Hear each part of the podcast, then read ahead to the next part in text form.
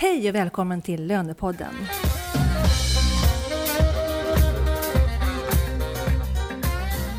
Idag så ska vi prata om förändringarna i LAS som trädde i kraft den 1 oktober 2022.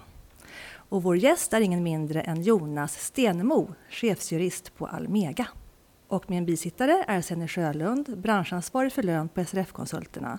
Och mitt namn är Katarina Sand och jag arbetar på WISE Professionals där vi bland annat hyr ut och rekryterar lönekompetens från våra kontor i Stockholm, Göteborg och Malmö. Vi driver också flera lönenätverk och arrangerar årets stora löneevent, Inspiration Lön. Och Lönepodden gör vi i samarbete med SRF-konsulterna och Knowit Insight HRM. Varmt välkommen Jonas! Tack så mycket! Och varmt välkommen Senny! Tack så mycket! Nya LAS är alltså temat i detta avsnitt. Och vi kommer att lyfta några konkreta förändringar i lagen och höra vilka konsekvenserna blir utifrån löneavdelningens perspektiv. Men vi kommer inte börja där, för nu har vi nämligen chansen att få höra om hur arbetet har gått till som ledde fram till de här förändringarna. Vi kommer också att lyfta vilka skillnaderna är mellan att ha kollektivavtal eller inte med avseende på LAS. Jonas Stenmo, chefsjurist på Almega, som är den största arbetsgivarorganisationen inom svenskt näringsliv. Du var med redan 2017 när arbetet med nya LAS påbörjades. Du har varit med och förhandlat fram förslag på texter som ledde fram till den nya lagstiftningen. Och det är ju få som är så involverade som du, så då är det otroligt kul att du ville gästa oss här i Lönepodden idag. Låt oss börja med bakgrunden och processen som har lett fram till nya LAS. Det är vi väldigt spända på att höra. Mm. Berätta. Mm. Ja, tack. Eh, jo, men eh, det inleddes ju 2017 med att egentligen LO begärde förhandlingar med Svenskt Näringsliv när de såg några saker i anställningsskyddslagen då, som de tyckte det här behöver man göra någonting åt. Eh, det var hyvling, Alltså när man sänker sysselsättningsgraden för arbetstagare som de inte tyckte var bra. Där kom några domar i Arbetsdomstolen. Det var reglerna kring allmän visstidsanställning. Det var inhyrning. Det var framförallt de delarna eh, som de ville lyfta. Och Svenskt Näringsliv valde att gå in i förhandlingar eh, om man samtidigt då var beredd att diskutera saklig grund och turordningsregler kan man väl säga. Och eftersom det accepterades så blev det då förhandlingar. Eh, sen hade vi eh, det här med januariavtalet 2019 när det kom. Eh, då tillsatte ju ehm, regeringen, eh, eller i, januariavtalet innebar ju att man bestämde sig för att tillsätta en utredning eh, som skulle se över reglerna i anställningsskyddslagen.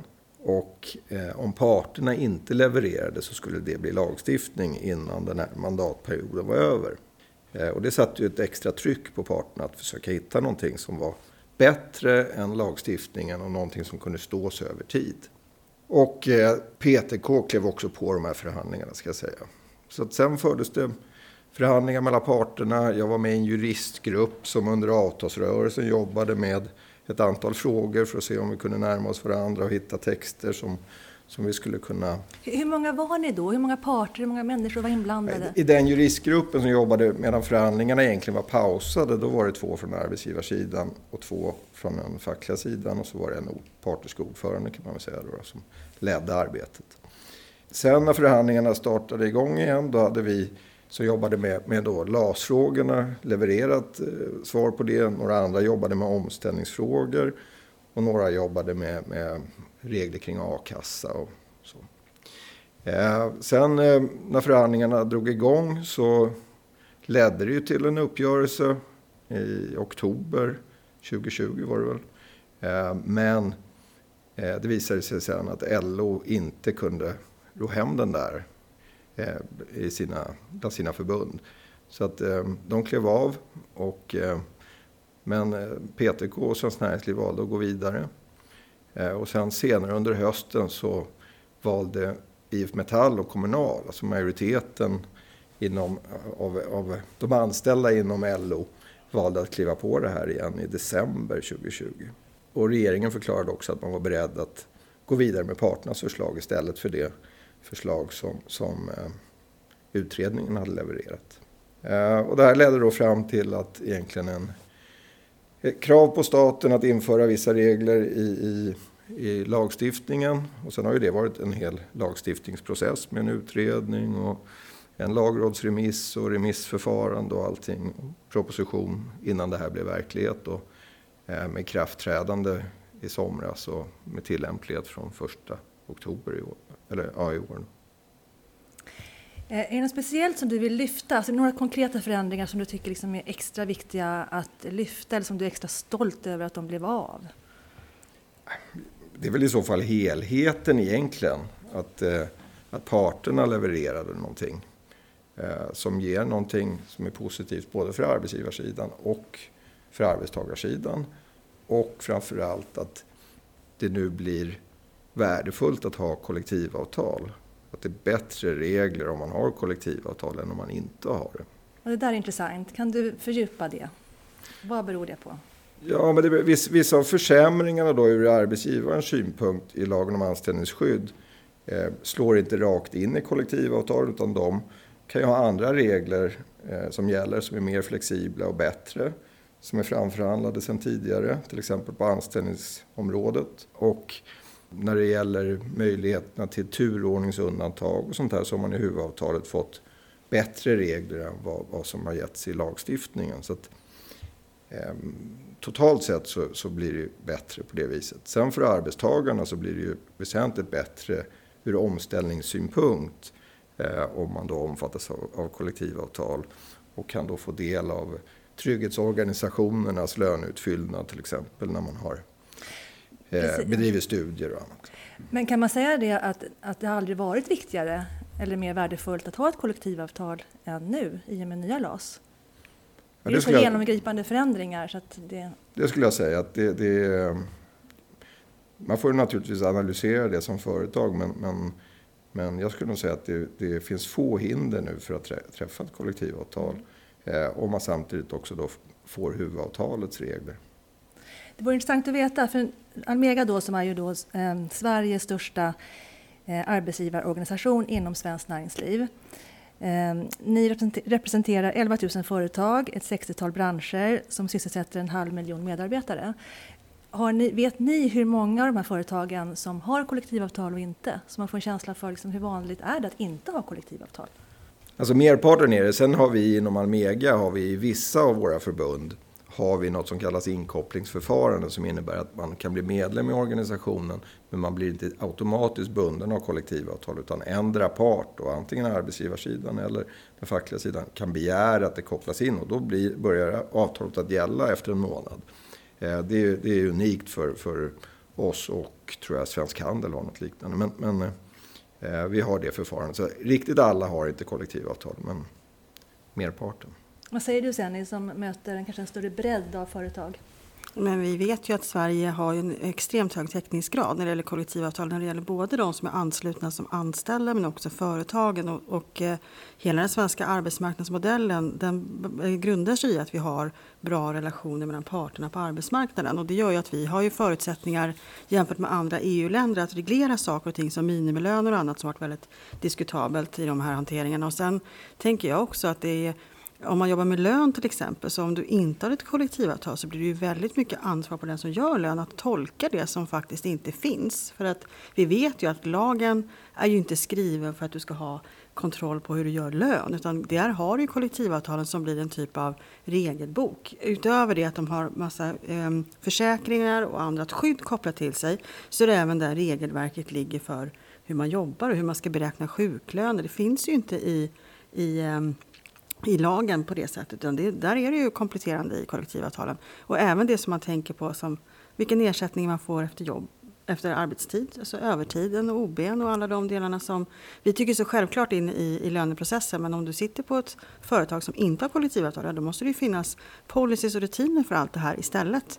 Och då är det ju upp till den arbetsgivaren att kunna regelverken tillräckligt mycket för att överensstämma med lagar kring arbetsmiljö och andra delar också. Så att det finns många olika incitament för Eh, tror jag, varför man väljer att ha kollektivavtal. Eh, och som, om man jobbar med lön, då är det oftast ganska mycket mer tryggt att ha ett kollektivavtal. Det vi har lite utmaning i där, det är ju det att man inte alltid kanske har koll på vilket kollektivavtal man har på företagen. Och att framförallt då när man jobbar eh, med att ta hand om andras löner så är det svårt att nå alla kollektivavtal. Så alltså som företagen tänker du på? Då? Ja, men mm. även alltså, inom företagen att få reda på vem är mottagare av uppdateringar. Så här är det jätteviktigt när man jobbar med lön att man inte lämnar över det här. Om någon annan sköter det här med kollektivavtalen. Utan vi måste se till att vi har de rätta kollektivavtalen att förhålla oss till i de delarna. Så det ligger ett ansvar där i det också. Mm. Eh, fint. Eh, när det gäller de här förändringarna här nu i LAS då, hur pass liksom genom, pass genomgripande är de? Kan man liksom, hur, hur pass stor är den här förändringen? Kan du gradera den på något sätt? Vi har väl inte sett eh, egentligen då, så stora förändringar eh, sedan lagens tillkomst skulle jag säga. Det, det är ju det är ganska genomgripande förändringar, det är det. Och på viktiga, viktiga områden också. Så de centrala delarna, hur man ingår anställning och hur man avslutar anställningen. Eh, att, att det har hänt någonting med till exempel då saklig grund som nu blir sakliga skäl och justering då av, av vad som ska ligga till grund för, för en uppsägning. Det, det är ju, har ju inte hänt tidigare sedan, lag, sedan 1974. Man har ju sett på, ja, att det har förekommit alltså, många utbildningar som har varit här nu under hösten på nya LAS. Eh, så att man förstår att det här är inte helt lätt för löneavdelningen. Vad är det som är liksom så svårt sen? Eller vad behöver man ha varför behöver man gå utbildning i nya LAS? Det handlar väl om att man ska, man, för det första så är det ett område som täcker så mycket mer än det som täcker löneområdet. Och det, är liksom, det handlar om villkor för anställning i olika sammanhang.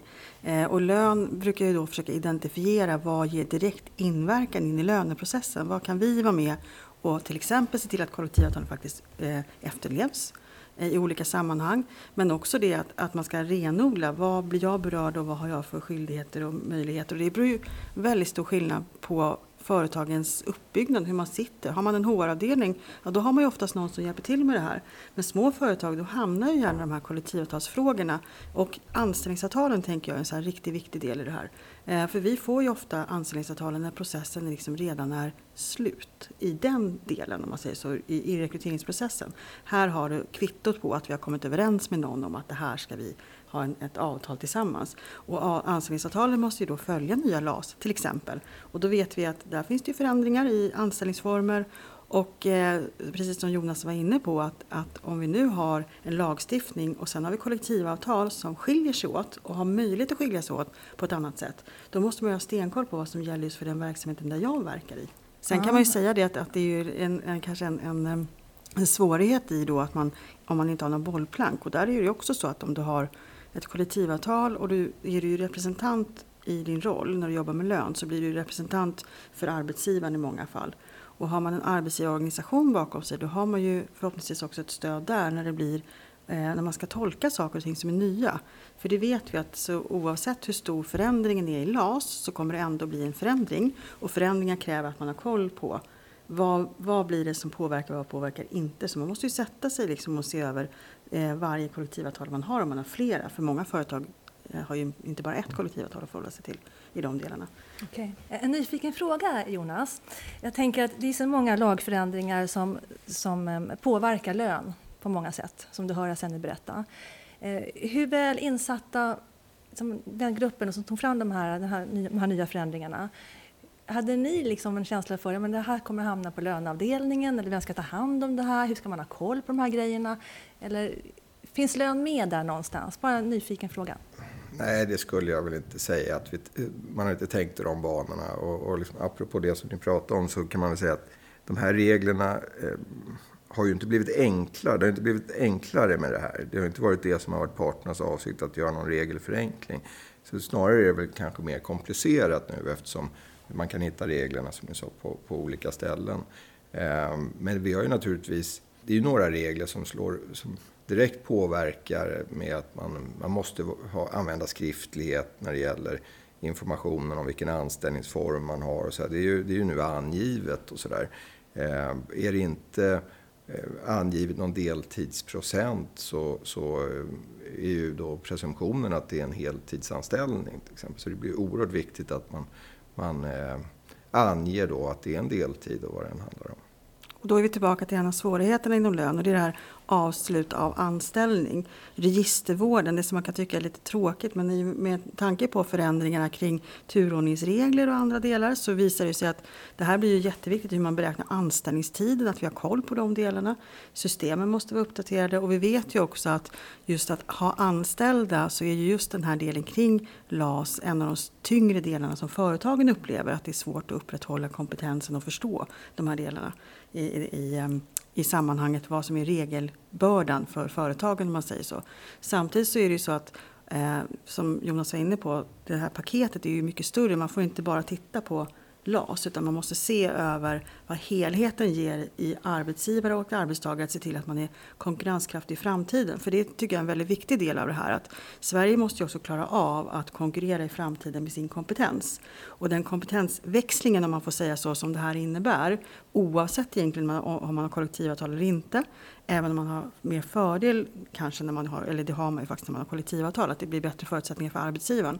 Så är det ändå så att det här, man måste se det i ett större perspektiv också. Vi kan tycka att det här blir jobbigt, vi får nya förändringar, här måste vi tänka till. Ja, men, men man måste se vad, vad blir utfallet då? Till exempel tycker jag att det är en sån här sak som handlar om att vi har, att man inte till exempel kvarstår i anställning vid tvist.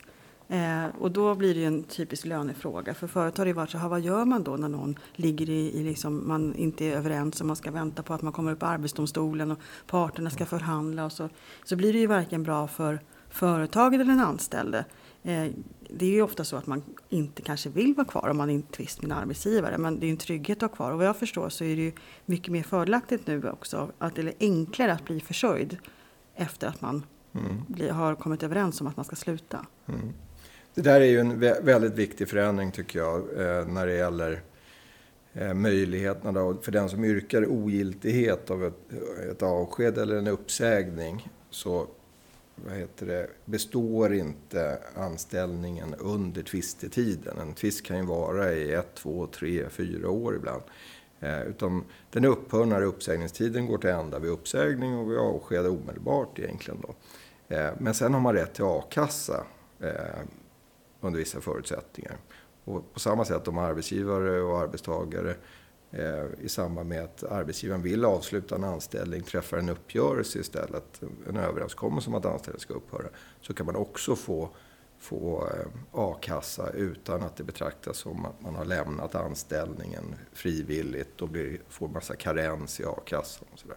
så att, eh, det här systemet gynnar ju då till att man går vidare istället. Det blir inte lika stigmatiserat tror jag att bli uppsagd framöver. Här, här, det är fler möjligheter för arbetsgivaren att avsluta anställningar. Samtidigt finns det då mycket större möjligheter till bra omställning och bra ersättning via, via systemet och incitamenten att föra tvist till Arbetsdomstolen eller tingsrätt och så minskar då istället. Är ett av målen då att få till en rörligare arbetsmarknad? Ja, men vi har ju alltid sneglat på det danska systemet och varit lite avundsjuka på det. Alla har talat så väl om det. Parterna var nere på en studieresa till Danmark och tittade också. Men att, att, överföra det till den svenska modellen var väldigt svårt. Eller det är svårt, för det ser annorlunda ut. Kan du, kan du berätta lite vad, det är utmärkande för, vad är utmärkande för danska modellen? Ja, men det är en ganska kort omställningsperiod med hög ersättning eh, och ganska fria uppsägningsmöjligheter för arbetsgivarsidan. Men att bra skydd för arbetstagaren under, en, under i alla fall en kort period. Eh, och det gör att man har en större rörlighet. Eh, men det är väl lite grann av det som vi har velat skapa här. En, en, en, lite mer flexibel modell där incitamentet inte ska vara att tvista om anställning utan att man ska komma vidare i ett nytt jobb så snabbt som möjligt och ha bra eh, ersättning under mellantiden. Mm. Och få bra parter. möjligheter till, till att omskola sig om det behövs eller att vidareutbilda sig om man behöver det. Sen kan det bli intressant att se när vi går in i en avtalsrörelse så är det ju spännande att se vad som blir utfallet av de här delarna. Om det är någonting mer som kommer att förändras i avtalen kanske kopplat till det här, tror du det? Nej, det tror jag inte egentligen är särskilt mycket. Det, kan, det är någon, någonstans kanske det kan poppa upp någonting men, men eh, man kan ju inte på förbundsnivå nu göra förändringar i det som finns i huvudavtalet. Det är ju liksom eh, eh helt bindande och det, det liksom, man får inte träffa avtal som strider mot det om det inte särskilt anges att det är möjligt att, att göra det. Eh, sen är det klart att det finns ett antal lagbestämmelser som är införda som är dispositiva. Men där har ju, i många av de fallen så har parterna redan disponerat det i kollektivavtalen. Och eh, det brukar vara ganska dyrt att, att riva upp gamla överenskommelser. Det har ju varit ett utbyte en gång i tiden. Eh, så att jag tror att eh, jag tror inte det kommer att handla så mycket om det. Så avtalsrörelsen och eh, märket och de delarna som vi plockar in där, det får vi se separat ifrån det som kommer via den här överenskommelsen? Eller ska vi... jag, jag tror inte att de förbundsförhandlingar som handlar om, om, om eh, alltså i avtalsrörelsen nu 2023, att det kommer handla särskilt mycket om, om, om villkoren i de nya reglerna i anställningsskyddslagen. Det tror jag inte. Så där kan vi sitta lite Det är lite skönt att höra då när man mm. sitter där ute att då får, kan vi fokusera på det som kommer utifrån eh, de förhandlingarna. Hur är det med övergångsregler? Hur länge gäller de? Ja, det, de reglerna är, är, ju ganska snåriga och komplicerade. Ehm, och då får man ju gå in och titta på varje bestämmelse för sig när det gäller eh, de här nya lagreglerna. Ehm, men man kan väl säga att det mesta börjar gälla från den 1 oktober 2022. Men tar man till exempel anställningsformen särskild visstidsanställning som infördes i lagen då istället för allmän visstidsanställning så börjar den, om man träffar man då ett avtal om särskild visstidsanställning efter den 1 oktober, ja då kan man också när det gäller sen konvertering efter ett år till tillsvidareanställning, då kan man behöva beakta tid även i allmän visstidsanställning som har då ägt rum från mars i år fram, fram då till eh, oktober. Det är lite snåriga regler, så där gäller det också att man, man, man tittar noga vad som gäller. Men utgångspunkten är att man kan utgå från att det mesta gäller från den 1 oktober. Men eh, är, det en, är det en uppsägning som har initierats genom att man har underrättat någon om att man avser att säga upp den före den 1 oktober, ja då är det de gamla reglerna som gäller. Om man har påkallat en MBL-förhandling om neddragningar, ja det är de gamla reglerna som gäller om det har skett före den 1 oktober i år. Så att, eh, Alltså det, mm. som, det som man pratar mycket om också på lön är ju LAS-listan. Mm. Turordningsreglerna. Kan du dra lite kring dem också om det mm. blir förändringar där? Nu blir det ju en möjlighet att spara vissa arbetstagare då. Arbetsgivaren kan välja ut eh, tre stycken arbetstagare i, i företaget som, eh, man, som då inte eh, ska turordnas med de andra utan man tar bort dem helt enkelt. Eh, oavsett vilken plats de har egentligen i den här LAS-listan. Ehm, och det får man göra med tre månaders mellanrum. Eh, sen kan man göra det igen vid en ny neddragning. Men man kan inte göra så här varje vecka. Det skulle, då skulle man helt urholka anställningsskyddet. Men tidigare fanns det ju en regel där man undantog två. Men det rörde ju bara mindre företag med färre än tio anställda. Nu gäller det för alla företag. Men tar man då huvudavtalet istället ehm, för de som är bundna av det, ja då är det tre stycken undantag eller tre stycken man får spara vid varje neddragning per driftsenhet. Alltså per, per eh, eh, kontor eller per butik eller vad det, hur man nu har organiserat sin verksamhet. Eh, och var tredje månad då. Så att det är ju det är en rätt, större, rätt mycket större flexibilitet. Och det, sen, har man bara en driftsenhet, ja, då är det fyra undantag. Och sen finns det en alternativregel som säger att man får undanta 15 procent av de som omfattas av arbetsbristen och de som får sluta i samband med den här arbetsbristen. Eh, så vid stora neddragningar så det, kan det vara ganska många personer som man då kan spara oavsett plats i turordningen. Och då blir det återigen väldigt viktigt det här med driftställe, att man har koll på registren, att man vet att man har rätt uppgifter där i den mm. hanteringen. Vi, man tänker att det, och det kan ju ibland tänkas att det är någonting som man diskuterar nu ute i organisationerna med tanke på pandemin. Vad händer egentligen där? Och det är ju inte ett enkelt begrepp, eh, driftställe, kan ju tyckas det ibland, men beroende på vem man frågar så har man ju olika uppfattning om vad det innefattar, om det är skattemässigt eller arbetsrättsligt. Och oftast går de ju hand i hand, men det är inte ett enkelt begrepp det där, att veta vem som är på vilket driftställe alltid, eller tjänstestället. Så det blir ju jätteviktigt i den här eh, hanteringen att se till att registren är uppdaterade. Att man, LAS-listorna har ju alltid varit en sån här stor fråga och, och, man kan tänka sig att de kanske inte har varit helt aktuella lika mycket, liksom använts lika mycket som de kanske tyvärr behöver göra framöver med tanke på det ekonomiska läget så kanske, vi, kanske finns en anledning till att vi behöver använda dem mer tyvärr mm. framöver. Ja, och det som komplicerar bilden lite grann är ju också eh, när det gäller den här särskild visstidsanställning, den anställningsformen. Då är det ju en särskild anställningstidsberäkning där som i och för sig inte ligger till grund sen för turordning och så. Utan, men där får man räkna anställningstid även mellan anställningar om man under en kalendermånad har haft mer än två stycken särskilda visstidsanställningar. Då får man även räkna mellanliggande tid som anställningstid. Det blir ju en sorts fiktiv anställningstidsberäkning. Och den gäller när man tillämpar vissa paragrafer i anställningsskyddslagen men inte till exempel när man ska bestämma uppsägningstidens längd om man sen blir tillsvidareanställd eller när det gäller eh, LAS-listan vid turordning. Men däremot vid företrädesrättslistan, då ska den tiden beaktas. Så det, är ju, det blir eh, inte helt lätt att hålla koll på. Nej, som sagt, datum och register och hantering, det är sådana här saker som ligger till grund för mycket. Men jag tror att det blir extremt viktigt nu i de här delarna. Men jag tänker, många ställer ju frågan hur länge ska man arkivera saker och ting? Och det här med GDPR och så, hur, hur, kan, hur ska man tänka där?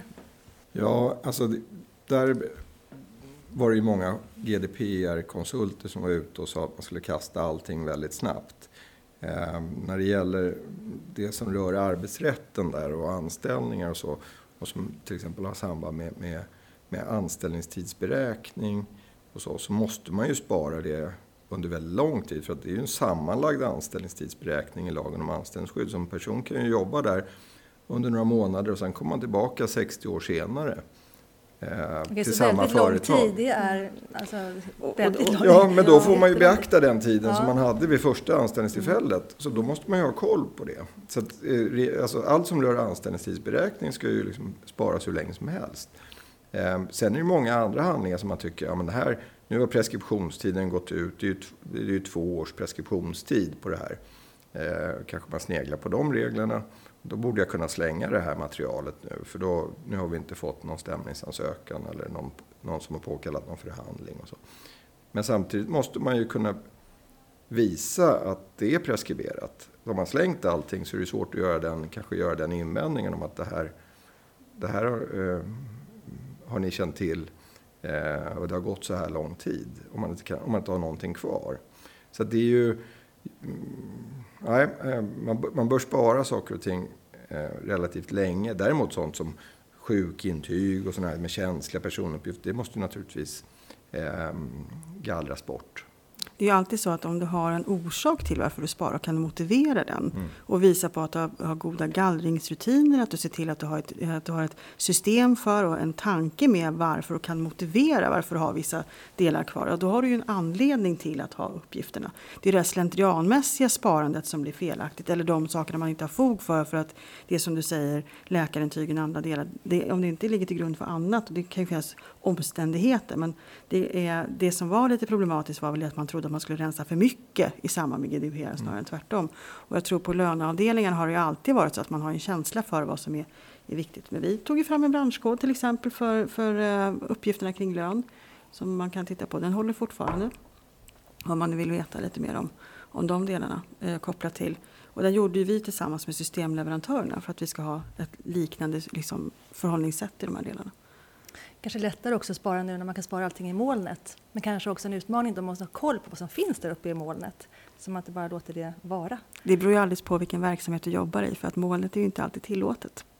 Okej, Om man så. tänker på beroende på vilken verksamhet man tillåter. Så, så måste det, man ha en del på papper alltså? Man kan inte, det papperslösa kontoret kan man inte frångå helt och hållet här då? Alltså det är ju en så komplex fråga för att vi, vi har ju också tagit upp det här med cybersäkerhet ibland och vi ja. liksom det här med att man har kontinuitetsplaner. Och, mm. Så att jag tror att man måste ju alltid göra en typ av riskbedömning på sin verksamhet och då innefattar det de här delarna.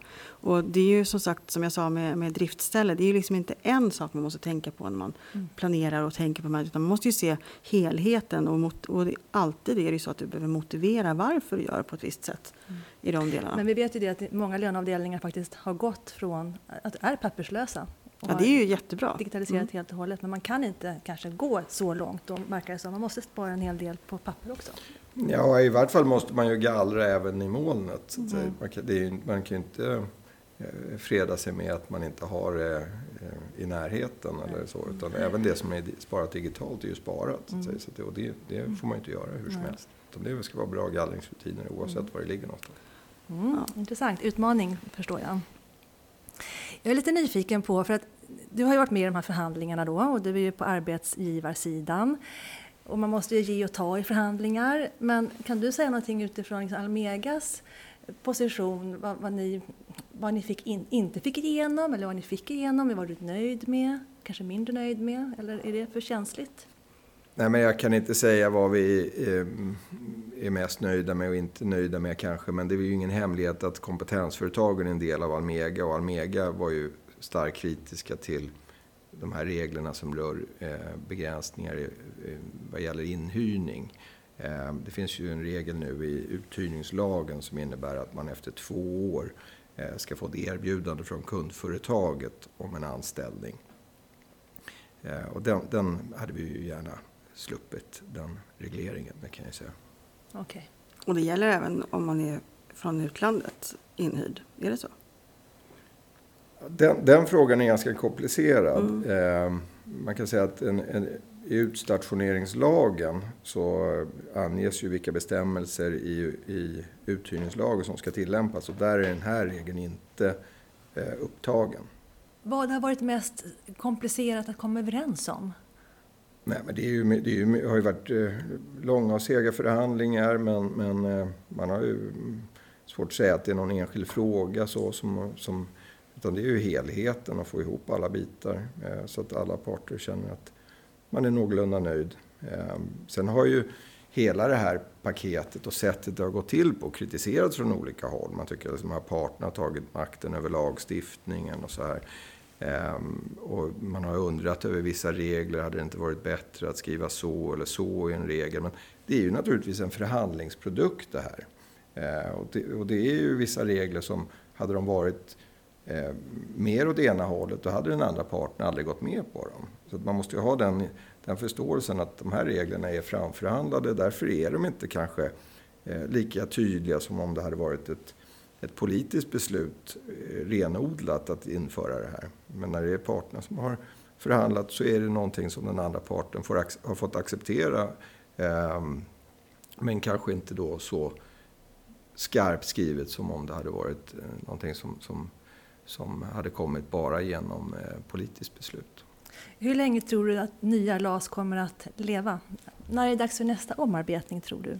Ja, men det här, det fördelen med det här är ju att vi, vi slapp diskussioner kring LAS i den senaste valrörelsen.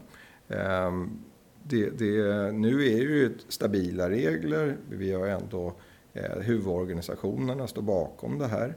Så jag tror det ska rätt mycket till för att man ska gå in. Man kommer inte gå in från lagstiftarens sida eh, och parterna kommer väl eh, kunna leva med det här nu, utgår jag ifrån. Så att, eh, det här är ju, är, ju, är ju, stabila regler som kan leva under mycket lång tid framöver. Tror jag. Sen kan ju parterna skruva i det här naturligtvis om det är någonting som man tycker man be behöver göra. Men, men eh, eh till skillnad från om, om eh, det, den utredningen som, som, som lades fram under förhandlingarnas gång hade blivit verklighet. Då hade ju den redan varit föremål för debatt i, i den senaste valrörelsen. Och, och och kanske då hade inneburit att eh, eh alltihop hade rivits upp igen. Så var det ju länge. Under, under 90-talet så var det ju så när det blev nya majoriteter i riksdagen så, så ändrade man reglerna. Så man, eh, och det är ju det, är det allra sämsta när det inte är, är regler som man vet håller över tid och det eh, skapar osäkerhet. När kom LAS? 74 ehm, 1974 eh, kom mm. Hur många gånger har man, har man omförhandlat? Alltså det har ju, parterna har ju inte... Jag menar innan LAS kom, då var ju det här frågor som parterna reglerade i kollektivavtal. Sen kom ju lagstiftaren in och så reglerade man det här i anställningsskyddslagen. Och sen efter det så kom ju hela det här bandet med, med, med lagstiftning på MBLs område. Det kom eh, semesterlagen, jämställdhetslagen, förtroendemannalagen och så vidare. Ehm, så att, sen har ju parterna förhandlat utifrån den gällande lagstiftningen. Men det här är någonting nytt när, när parterna går ihop och säger att nu vill vi ha de här förändringarna i lagstiftningen. Ehm, det har ju hänt de senaste åren. Det var ju, man gick ju samman och, och gjorde vissa justeringar när det gäller stridsåtgärder ehm, för några år sedan. Och sen så är det här nu. Så att, eh, sen får vi se om det innebär att nya initiativ tas för att förändra någon annan arbetsrättslig lagstiftning. Det vet jag inte. Ja, intressant. Det är alltid bra att veta, ha lite historia med sig så man förstår framtiden bättre kanske. Eh, Okej, okay. jag tänkte vi skulle börja runda av, men eh, sen har vi fått med, är det något mer som du skulle vilja lyfta utifrån löneperspektivet? Någon konkret förändring som vi bör ta upp här som eh, har en direkt påverkan på lön, lönsjobb? Alltså jag tänker att det är det viktiga att man håller sig uppdaterad. Det är ju liksom det som är när man ser att det kanske inte är att man förstår eh, kopplingen mellan, mellan lagen, kollektivavtalen och de olika kollektivavtalen eh, i den delen. Och där ser jag, det som jag blir lite oroad för det är väl att, att vi inte ska ha åtkomst till kollektivavtalen. Jag ser alltså det med att det måste vara en tydlig transparens när så många blir berörda av kollektivavtalens, liksom in, vad den innebär. Men varför har man inte åtkomst? Ja, det, det är en fråga. Jag förstår så Almega har väl en inställning att man ska ha åtkomst till era avtal. Absolut. Eh, jag menar, de, våra, våra medlemsföretag loggar ju in och sen så eh, på en hemsida och där, där hittar de ju eh, det här i, i en digital version som man kan skriva ut om man vill eller gå in och där finns ju också då eh, olika bestämmelser kommenterade och sådär. Där hittar man all information kring kollektivavtalet och vilka personer man ska prata med om man har några frågor. Så, så det är ju, och de fackliga organisationerna är också bra på nu på att bygga upp hemsidor och där, där medlemmarna kan få tillgång. Men jag tror att om man inte är medlem varken i arbetsgivarorganisationen eller i den fackliga organisationen så kan det kanske vara svårare att få tillgång till, till reglerna. Men arbetsgivare ska ju tillhandahålla kollektivavtalet mm. även för de som inte är medlemmar. Då, då Men vem, alltså, frågan då, vem sitter på kollektivavtalet? Ja, men om man ser till kollektivavtalen så är det ju, det är ju arbetsgivaren som är medlem men arbetsgivaren kanske inte vet alltid att förmedla det till den som ska göra lön till exempel. Outsourcing så blir det svårt. Vi har ju väldigt stor outsourcingverksamhet i Sverige där många förlitar sig på att andra ska hjälpa till att göra lönen vilket innebär att du gör lön för flera olika företag. Men sen har vi också frågan om att det här ska appliceras in i system och där är det också en utmaning att lönesystemen och HR-systemen måste ju också veta att de har rätt förutsättningar för att uppdatera och ha rätt förutsättningar till exempel till LAS-listor och annat olika. Och de är ofta anpassade för att det ska underlätta.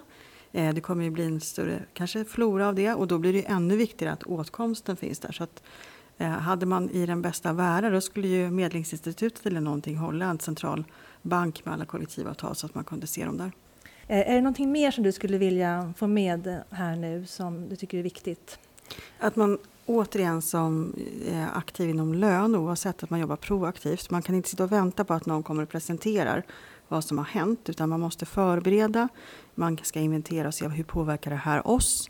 Vilka kollektivavtal har vi? Jämföra dem lite grann med vad som ligger i lagen så att man vet vad som skiljer sig åt. För att när man ser det som skiljer åt det är då man kan få de här eh, varningsklockorna. Sen så ska man ju inte tro att man behöver vara den arbetsrättsjuristen som ska klara av allt det här utan man måste ju ha tilltro till att det finns andra som ska hantera saker och ting som ligger utanför mitt expertisområde. Vi ska inte lägga på ytterligare områden där man känner att man blir tyngd utan man ska se det här som en möjlighet att vara med och påverka proaktivt. Och var kan man vända sig om man behöver stöd eller utbildning i de här frågorna? Ja, alltså för våra medlemsföretag inom Almega så håller vi utbildningar kring det här eh, löpande nu man har alltid möjlighet att, att kontakta våra eh, avtalsansvariga, våra förhandlare och vi har också vår jour som är, vi i princip alltid kan nå. Och sen har vi då en, en arbetsgivarguide där man kan läsa om det här som är väldigt uppdaterad och hela tiden.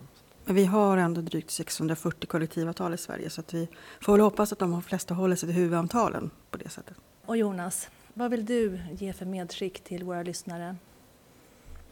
Nej, men jag, som jag var inne på tidigare så är det, det, det har inte blivit enklare. Eh, det har det inte. Men, men eh, jag tror att man eh, behöver vara ganska noga med huruvida man har kollektivavtal, huruvida man har huvudavtal eller inte. Eh, huruvida lagens regler eh, gäller på, på ett visst område eller inte. Eh, eftersom de här flesta reglerna där är dispositiva och det kan finnas avvikande regler i kollektivavtal när det gäller det här.